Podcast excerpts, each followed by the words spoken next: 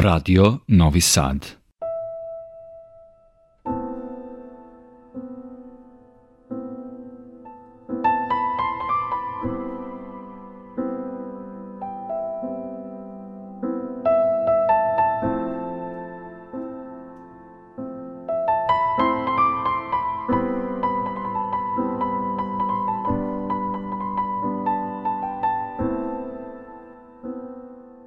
Poštovani slušalci. Vi pratite program Radio Novog Sada i još jedno izdanje emisije Vox Humana. Moje ime je Boško Bute. Kao što ste vi navikli, mi smo našu emisiju ustalili ili pokušali da je koncipiramo tako da stvari, ljude, fenomene i običaje prikazujemo od onak izmeštenoj vizuri, malo drugačije, sa pogledom iznutra, često pribegavamo dekonstrukcije stereotipa, da bi stvari i tematiku o kojoj govorimo bolje i pitke razumeli. Moje neskreno zadovoljstvo da vam predstavim svoju i vašu večerašnju gošću, gospođu Boru Babić, direktora i osnivača jedne od najprestižnijih izdavačkih kuća Akademska knjiga iz Novog Sada. Boro, dobroveče i dobrodošli u program Radi Novog Sada. Dobroveče, hvala na pozivu. Jako mi je drago što ste tu, jer mi smo svoje vremeno jedan sudbinski slučaj, no ničim izazvan, ovako spontani ciklus napravili, koji smo krstili uspešne žene u našoj sredini. I ja sam komotno mogao vas i u okviru tog ciklusa da najavim, jer zaista ste napravili malo čudo. Reći ću par reči, elementarni red me obavezuje da vas najavim. Ako uopšte ima ljudi koji za vas nisu čuli.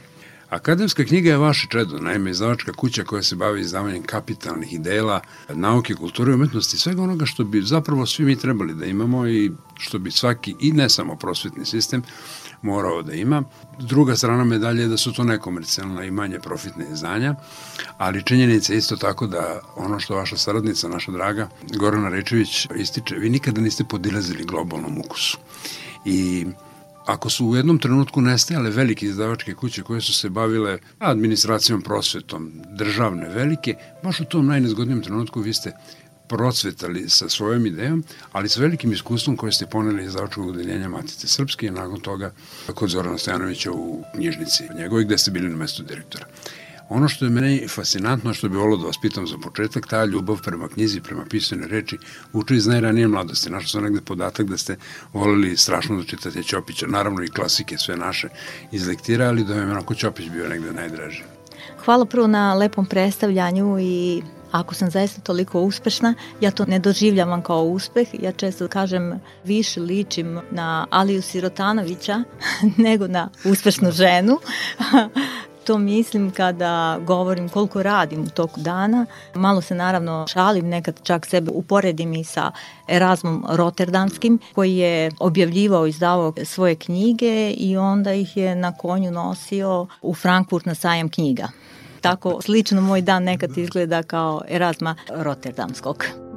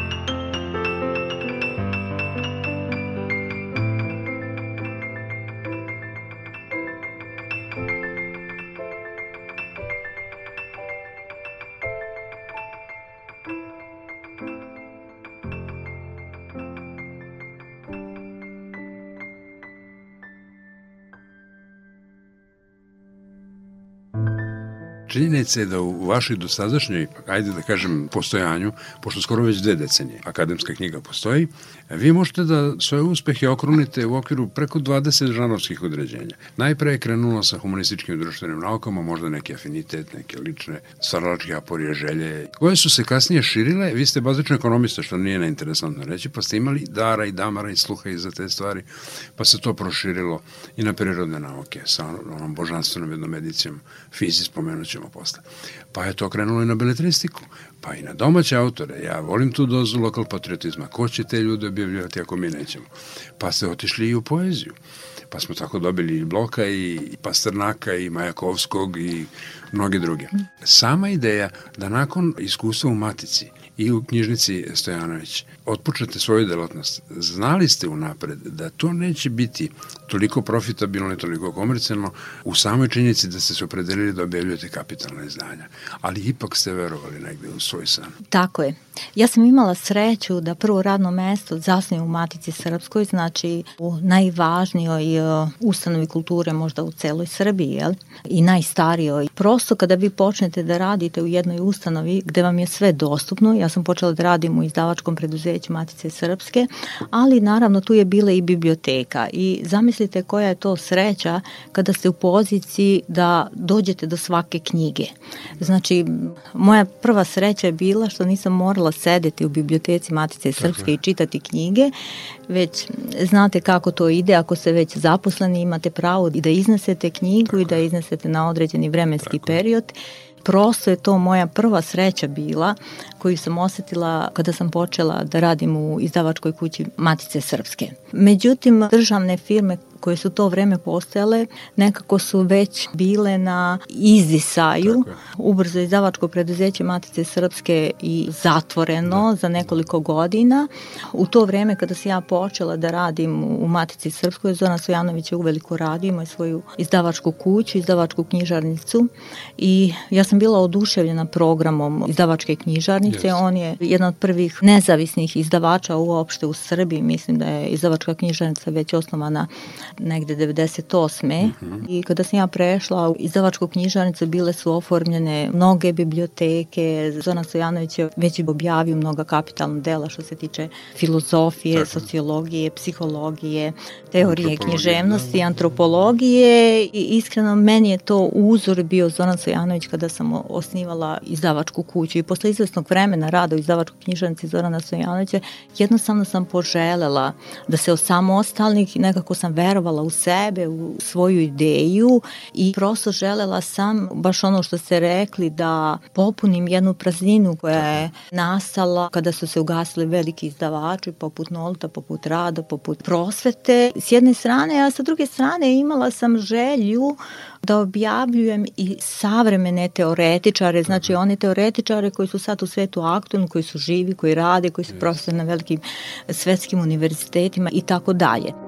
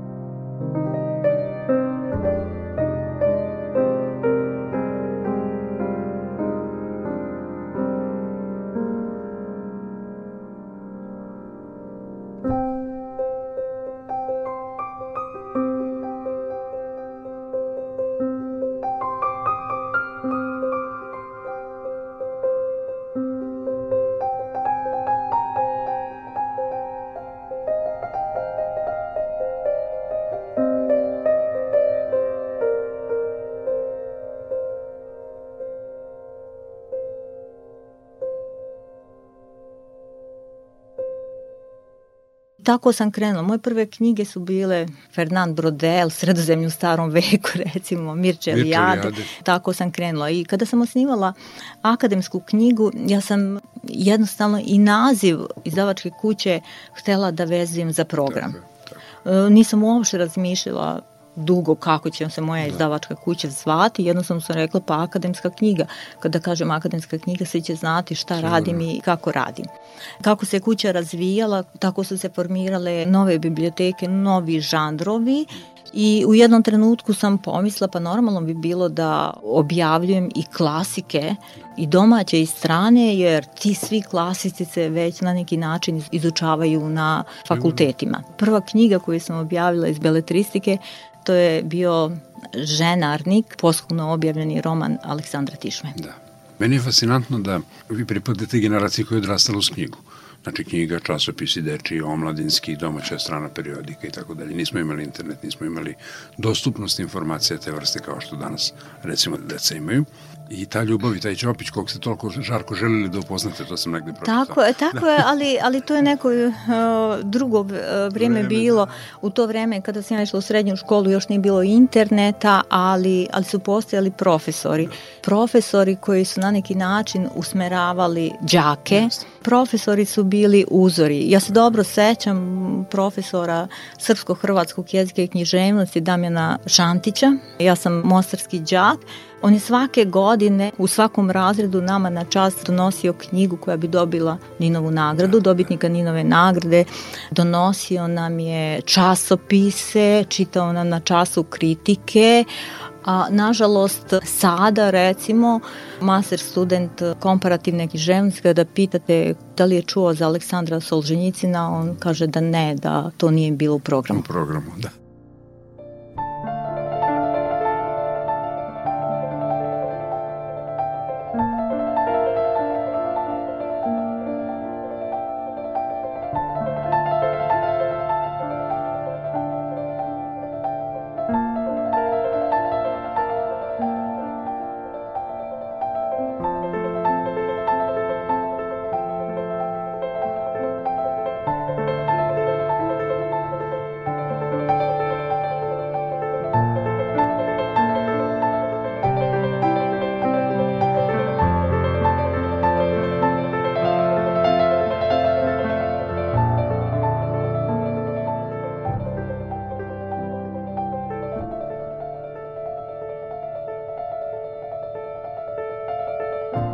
Interesantna je činjenica da ste zapravo, to je donakle kao i obrnut put. Prvo ste krenuli sa avangardnom književnošću koja vas intimno privukla, to je taj Brodel, Heidegger, Mircea Eliade i tako dalje, a onda ste to nadogradili i klasicima i beletristikom i poezijom i onom predivnom edicijom posvećenoj prirodnjacima. Da, fizic. Nema koga ste zaboravili, svi su tu, od Njutna do preko Einsteina, u stvari i ranije. Nažalost, u Jugoslaviji, bez obzira što je izdavaštvo bilo razvijeno, što je postojalo mnogo izdavačkih kuća i u Srbiji, i u Hrvatskoj, i u Bosni i Hercegovini, glavne knjige koje se bave istorijom nauke, odnosno prirodnom filozofijom, nisu bile objavljene. Da. To je neverovatno, mi smo 2010. godine objavili Newtonove matematičke principe prirodne filozofije i vi bilo koga da pitate da li je čitao Njutna, kazat će da jeste.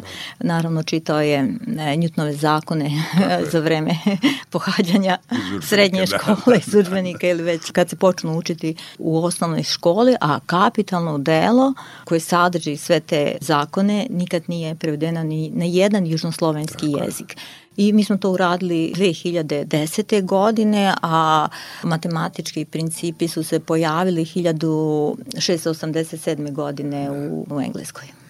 U celoj toj plejadi prirodnjaka gde su i Darwin i Linde ste rekli koji je recimo jedan od najsvežijih. Linde je veliki kvantni fizičar Fizičar, i da. njegove teorije još nisu potvrđene. Ako budu potvrđene, kaže da će dobiti Nobelovu nagradu Eto. za, za fiziku, ali čekamo da Linde dobije, Andri Linde Već dobije Nobelovu. Već imate nekoliko Nobelovaca i Gonkurovaca. Da. Ali tu su i Kopernik i Galilej i interesantan mi je jako Laplace. Zašto mi je interesantno? Od vas sam dobio informaciju. Laplace, sve ono što ste vi objavili, posle su Rusi u svojoj redakciji, u svom prevodu, bukvalno, svu kompletnu teoriju matematički u fusnotama dokazali. Da, da. Recimo u Moskvi, mislim da je to na univerzitetu Lomonosov, mi smo objavili Lomonosova, da. jednu knjigu, Institut za fiziku, sve ove knjige koje smo mi objavili, oni su objavili, ali oni uz teoretski tekst su dali i matematičke dokaze. Recimo, Laplace u sistem sveta je potpuno jedna teoretska knjiga, ali rusko izdanje je dokazano matematičkim formulama Neverovatno. Neverovatno, ali e, znate šta, na tim prevodima u Rusiji radilo je veći broj stručnjaka. Misliti, da, da veći broj stručnjaka. Mi kada smo radili Njutna, knjigu je prevela Ljiljana Matić, ali smo angažovali još dodatno šest urednika koji su čitali tekst i svaki je uređivao za svoju oblast i, i matematičara i fizičara i astrofizičara i mehaničara, znači morali smo razne profile profesora angažovati yes. da rediguju tekst.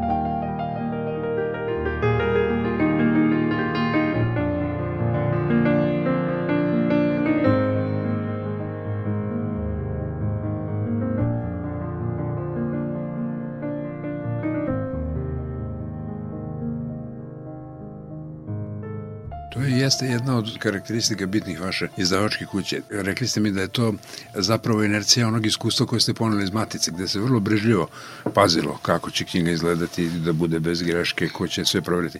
Vi imate savršene timove stručnjaka, znači od recenzanata, urednika, korektora, lektora, prevodilaca, ilustratora, menadžera. Znači tu se jako selektivno i brežljivo pristupa. Tako je, zaista imamo timove i uspeli smo da uspostavimo saradnju sa mnogim naučnim ustanovama. Edicija Fizis o kojoj sada razgovaramo zajedno objavljamo sa Prirodno-matematičkim fakultetom da. i oni su nama su izdavači, najveći deo rade na knjizi radimo mi, mi angažujemo ljude koji će raditi Tako. na knjizi, ali oni su tu da nam preporuče svoje najbolje stručnjake, svoje najbolje profesore za određenu oblast. Onda imamo imamo lepu saradnju recimo sa Institutom za filozofiju i društvenu teoriju iz Beograda. Čak smo pokrenuli zajednički jednu lepu ediciju koja se zove Minima u kojoj objavljujemo eseje recimo veliki filozofa, a onda komentare za taj esej daju naši filozofi. Tako je, tako. Kritika. Da. Praktično svaka ta knjiža, to su lepa izdanja, onako džepna izdanja, imate kritiku i imate sam originalni tekst i tu smo desetine, desetine knjiga objavili.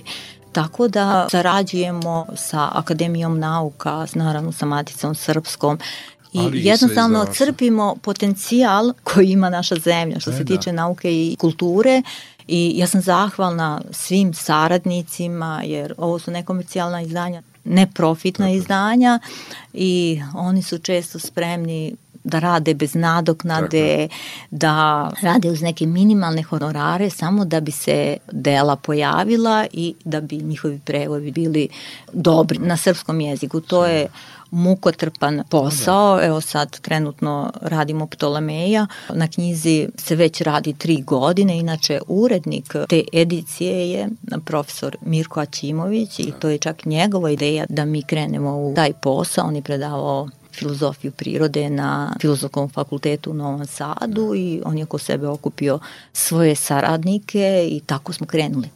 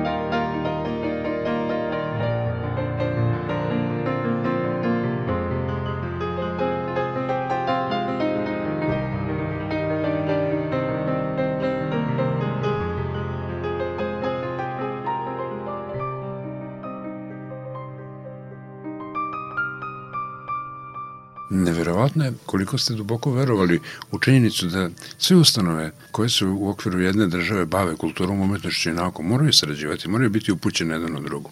Mora postojati interakcija. Toliko ste iz te ljubavi prema knjizi e, ostvarili saradnju i sa inostranstvom. Vi ste dobri sa izdavaštvom jednog Yale-a, Princetona, Oxforda, Cambridgea i ostalih evropskih nekih kojih ni ne znam da se setim. Prvo, mi smo mala država, mala kultura jezički i zaista moramo sarađivati da bismo iznedrili ono najbolje. Ja verujem da to znaju i naši saradnici i zato rado pristaju da rade sa nama, odnosno da budu u našem timu. Tako. Uspostavili smo saradnju sa velikim univerzitetima i sa velikim izdavačima, pre svega zahvaljujući tim autorima koje objavljujemo, jer malo se ko javlja da objavi tako velika imena koja su nekomercijalna i koji će uložiti ogromni trud. Vi jednu knjigu možete prevesti za mesec, dva dana, a na ovim knjigama morate da radite po dve, tri godine. I u tome je velika razlika. Vi nikad ne možete napraviti cenu tog izdanja koliko uložite rada u tu knjigu. Sigurno. Ako objavljate velike autore, velike svetske autore, onda morate sa njima uspostaviti saradnju da. na neki način. E, verovatno je to na početku bilo teško, sigurno su bili nepoverljivi kada im se javi neko ko želi da objavi jednog Nobelovca, ali posle mnogo naslova mi smo zaista postali bliski saradnici i čim se pojavi knjiga od velikih svetskih autora mi dobimo informaciju, šalju nam PDF-ove, Tako da sve pratimo kao da nam je sedište u Njujorku ili Londonu.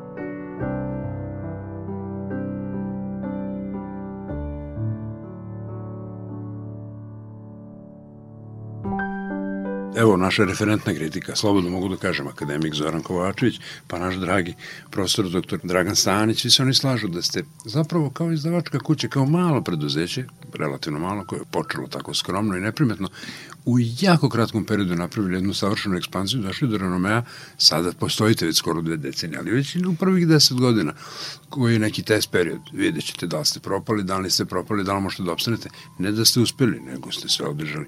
A ja duboko verujem da je to vezano sa onim vašim uverenjem da knjige menjaju svet, da knjige menjaju civilizacije, pomeruju meridijane, čuvaju pamćenje na prošlost, na sve ono, i da su neuništive, da će zauvek postojati. Dobro se procenili. Ja to zaista i verujem i bez takve svesti, te svesti o knjigama sigurno ne bih radila ovo što radim, bavila bi se nekim komercijalnim izdanjima ili nekim komercijalnim poslovima da, u nekoj da. drugoj oblasti, ali mogu vam kazati kad ja objavim jednu knjigu u koju verujem o, da. i koju smatram da je važna, civilizacijski važna, a pre svega je važna za našu čitalačku publiku jer je prevedena na srpski jezik. Ja sam srećna.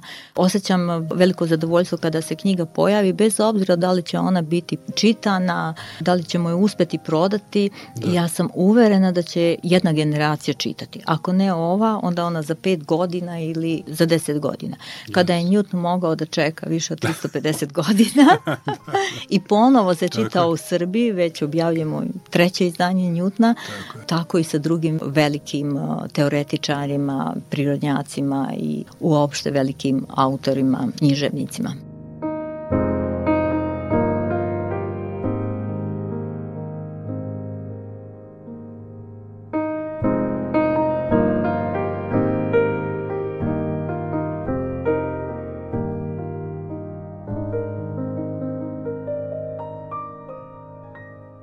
Večerašnjem izdanju emisije Vox Humana sa gospođom Borom Babić, osnivačem i vlasnikom izdavačke kuće Akademska knjiga, razgovaramo o njenim aktivnostima, početcima i pre svega hrabrosti da se otisne u vode samostalnog i nekomercijalnog izdavaštva kapitalnih dela iz oblasti nauke, umetnosti, kulture.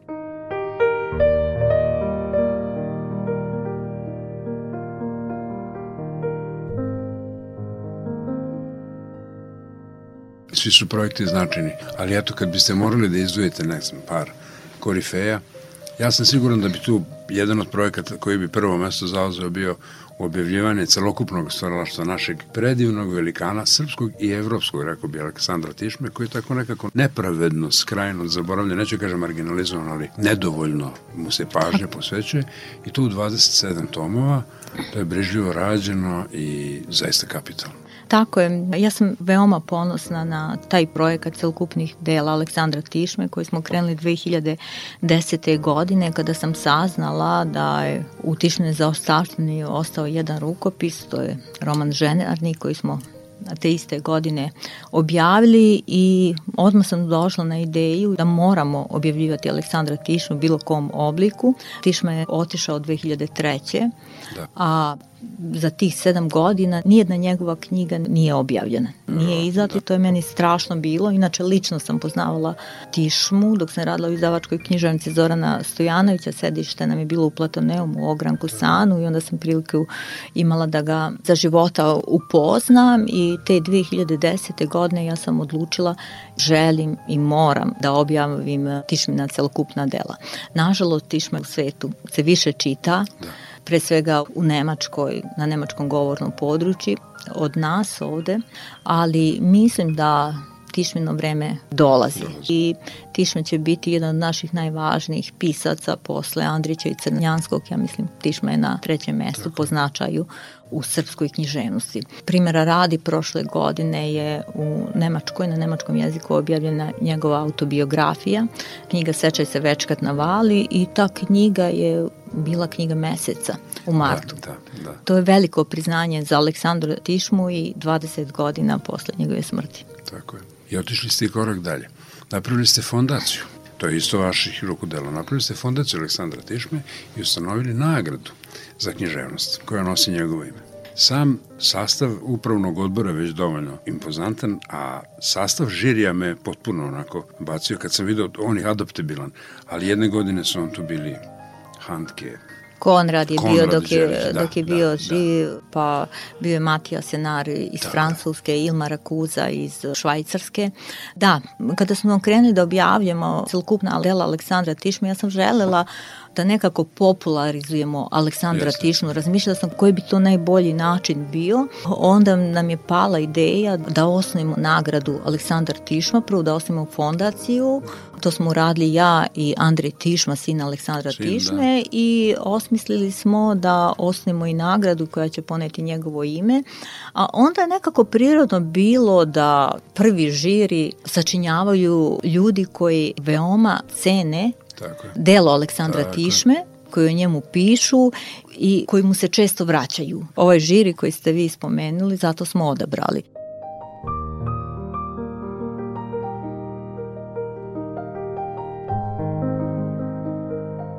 Vox Humana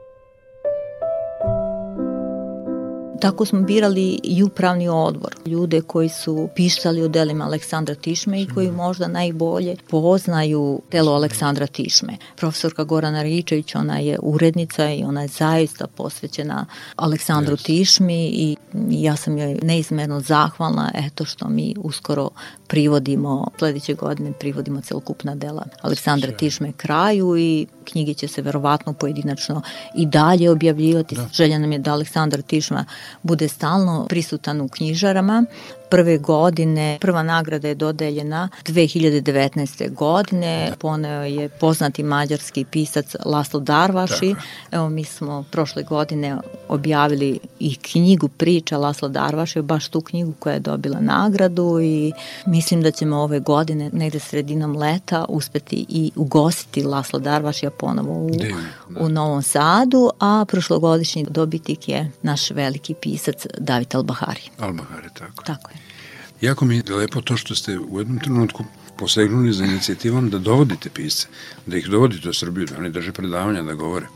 Pa smo imali 2000 ljudi u Matici na jednom predavanju o kantu, čini mi se, pa smo Da. imali u Beogradu prepunu salu, pa ste našli, eto, to nisam ni pomenuo, od svih tih projekata, ja kažem 1, 2, 3 korifeja, pa ima ih previše. Postoji jedna edicija, u stvari to je, pa da, nekoliko knjiga je u pitanju, posvećena Tesli.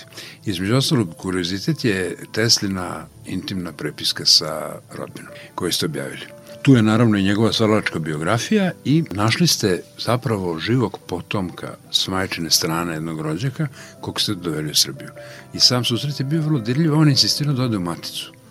Da, da. Sa njim smo iznimili dokumentarni film sa gospodinom Terbom. Terbo. Da, da. Inače, njegovo prezime je nekad bilo u Americi Trbojević. Mm -hmm. Njegov otac se zvao Nikola Trbojević i bio je sin sestre Nikole Tesle. U jednom trenutku su živeli u Americi. Nikola Trbojević je došao možda sa 20 i nešto godina u Ameriku zaposlio se u General Motors, bio je konstruktor, konstruktor, konstruktor zupčanika, bio je jako uspešan.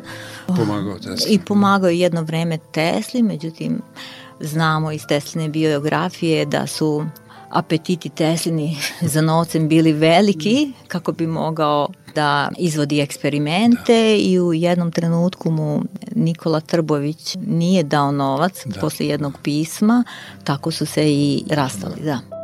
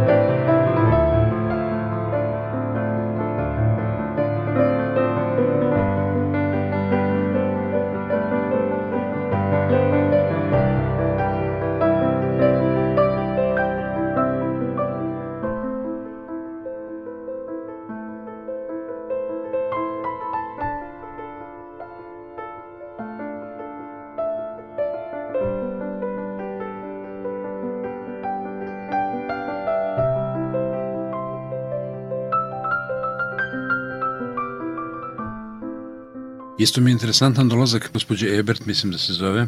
Rumijana Ebert, da. Da, da, da, da, ne, da, nemačka da. pesnikinja, pa mi negujemo jedan odnos sa piscima. Ja mislim da je to jako važno za našu zemlju, za naš grad, da veliki strani pisci dolaze i jedino tako razbijate stereotipe koji postoje na zapadu. Da, da. Mi smo zaista desetine pisaca koje smo objavili doveli. Oni su održali promocije knjiga, zatim smo pozvali mnoge naučnike, filozofe, teoretičare. Čak smo imali običaj da kada neko dođe održimo dva predavanja, jedno u Beogradu, drugo u Novom Sadu, ipak je Beograd glavni grad, svi žele da se sretnu sa Beogradom i sa beogradskom publikom, ali naše pravilo da svaki naš autor mora prvo doći u Novi Sad i susret se sa novosadskom publikom. Recimo, Otfried Hefe je držao predavanje u Akademiji nauka na filozofskom da. fakultetu, on je inače filozof, profesor je iz Tibingena. Jean-Luc Marion, isto veliki francuski filozof, održao je jedno predavanje na Kolarcu, drugo predavanje na Filozofskom fakultetu u Novom Sadu. Meni je tu najzanimljiviji bio susret sa Žižekom, te kada sam osnovala, Žižek, da. da, kada sam osnovala akademsku kuću, jedna od prvih knjiga bila je Žižekova knjiga. A to i... vas je uvuklo, ljudi koji su imali smelosti da budu drugačiji.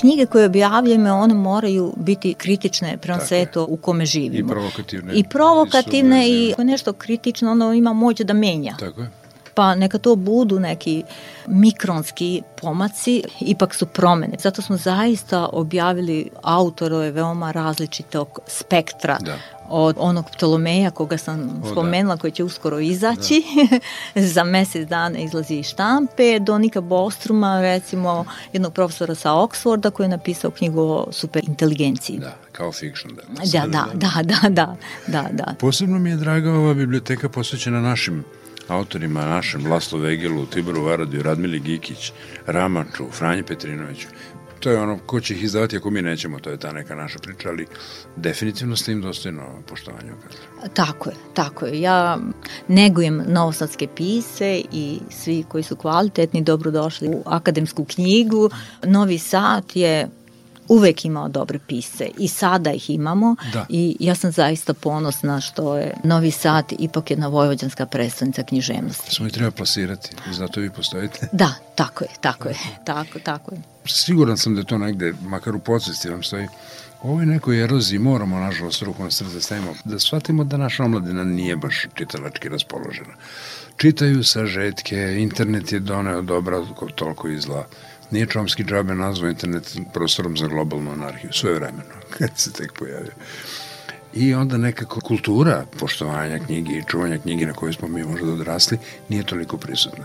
Međutim, činjenicom da vi kvantitetom podižete definitivno mogućnost izbora, samim tim se širi krug potencijalnih čitalaca. Mislim da to neka dupla misla. Ta, tako je, jer stalno pristiže nova čitalačka publika. Yes. Mi osjećamo da je čitalačke publike sve manje, jedan broj ljudi, nažalost, naših čitalaca umire, jedan broj odlazi, i zato osetimo da se manje čita, ali sa druge strane ipak postoji jedna kritična masa koja čita i to je jako važno. Mene oduševio sajam knjiga prošlogodišnji da. u Beogradu. Nekako sam osetila da su se ljudi ponovo vratili o, da. knjizi. Da se ponovo vratili knjizi, verovatno dolazi pomalo do zasićenja da. čitanja sa ekrana i stalnog kontakta sa ekranom i ljudi žele da osete papir, da drže knjigu. Da ima dušu, da. Da, stalno se postavlja pitanje da li će opstati knjiga, da li će izlaziti u papirnom obliku da. ili će se samo čitati i book. Ne, ja mislim da će postati i elektronska knjiga, ali da će uvek prioritet biti svakome ko čita, znači klasična knjiga.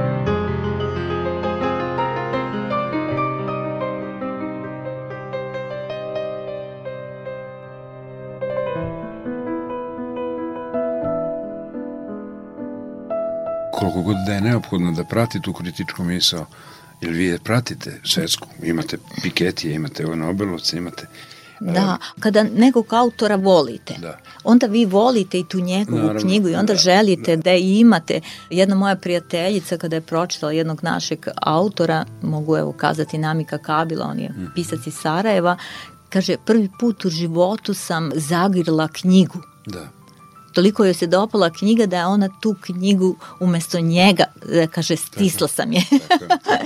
između ruku. pa to je ono što ste toliko puta ponavljali, a nema veće istine, da je šok, kog ja inače volim iz drugih razloga, ili kao estetičar pisao dosta da. medijima. Doduše imao je za ono vreme možda normalne stavove koji su sada malo nakaradni. On je tvrdio da medije ni pošto ne treba demokratizovati, nego ih ostaviti elitistički ili afirmativnom smislu, a oni su odigrali najveću ulogu u demokratizaciji umetnosti. Između ostalog govorio, kaže, ako dovoljno pažljivo čitate knjigu, čućete glas pisca. Tako je, da. tako je, pa to je ovo. Znači, vi jednostavno osetite yes, pisa yes. Kada čitate knjigu i zato ljudi kupuju, znači neko pročita recimo elektronsko izdanje knjige, ali posle čitanja on shvati da treba da ima ili poželi da ima i knjigu. Ne znam, da li znate da je recimo Kuelju dozvolio da se sva njegove knjige nalaze na internetu. Da. On ne šiti svoje autorska prava jer baš zato što misli da svi oni kojima se on dopadne da će kupiti knjigu. Jeste. A to ima veze s još jednom rečenicom koju ste pomenuli. Na pitanje da li je Sveti Duh napisao Bibliju, odgovor, ali ne znam čiji, vi ćete me podsjetiti, je bio svaka knjiga koju drugi put uzmeš u ruke da je pročitaš, svako je napisao Sveti Duh.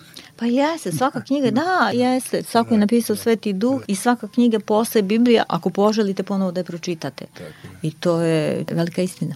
Nema ni potrebe da nabrojam sve nagrade kojima ste okronili svoje dosadašnje postojanje. Znam da vam je jedno od najmilijih, možda kapetan Mišana Stisijević, to je jedno od prvih, pa povelja univerziteta za tu vezu, interakciju sa univerzitetom, pa svi sajmovi knjiga, ja ne znam na kom niste neke nagrade odneli, ali sad ću da kažem nešto što je možda ekskluzivno. To je lična nagrada vama, Ministarstvo kulture Francuske, za dan državnosti 14. jula tradicionalno dodeljuje nagradu priznanje orden Viteza u oblasti umetnosti i zavaštva.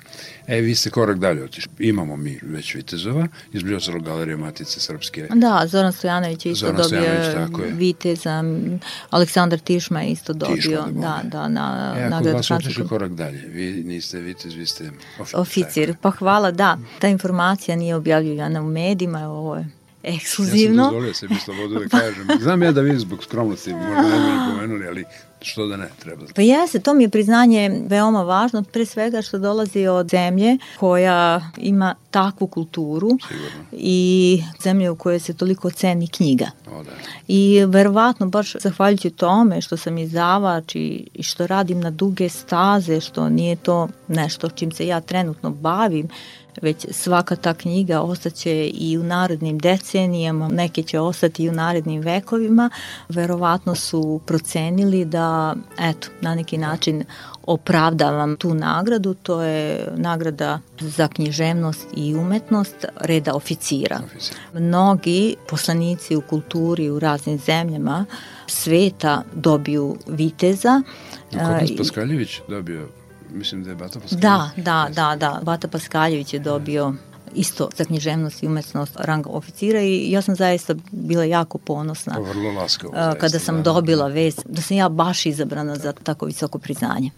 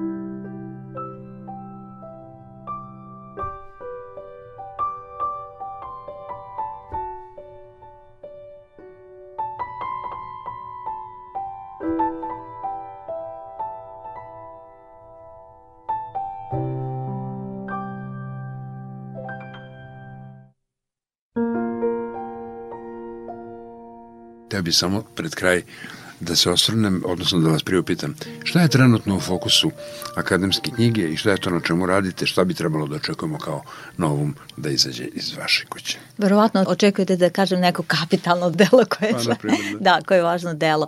Evo, baš ovih dana je bila vest. Mi sad trenutno pripremamo Kembridžko izdanje istorije Srbije. To je prva integralna istorija Srbije koju je napisao Dejan Đokić, naš istoričar koji predaje na Gold Smithu univerzitetu i ta knjiga će, verujem, izaći negde u septembru. Mi smo već krenuli sa prevođenjem i to je zaista veliki događaj.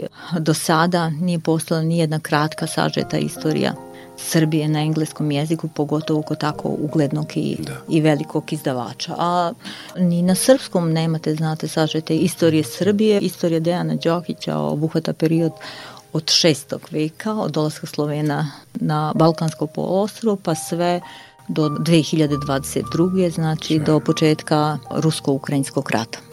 Gospođo Bora, ja sam vam beskreno zahvalan što ste nas udostojili svojim prisustvom u programu Radi Novog Sada i počestovali. Ja vam iskreno želim još mnogo, mnogo divnih i kapitalnih i manje kapitalnih izdanja i knjiga koje će, kada izađu vama, pružiti satisfakciju i vašem timu, vaših saradnika, da budete srećni da kažete, evo, ostavili smo sve ono što ostaje pokoljenjima i ono zašto smo davno konstatovali da pomera meridijane, menja civilizacije, piše istoriju. Čak i onaj kineski car o kom ste pričali, koji je spalio sve knjige pre sebe, da, da od njega počne istorija, nije on nije uspeo. Ipak se sačuvalo prošlost. Hvala vam na lepim rečima. Bilo mi je veliko zadovoljstvo sa vama razgovarati, pogotovo sam iznenađena koliko imate podataka u akademskoj knjizi i hvala vam što pratite naša izdanja. Hvala vama. U dobrom društvu i sa inspirativnim sagovornikom nije teško biti bar dobro obavešten.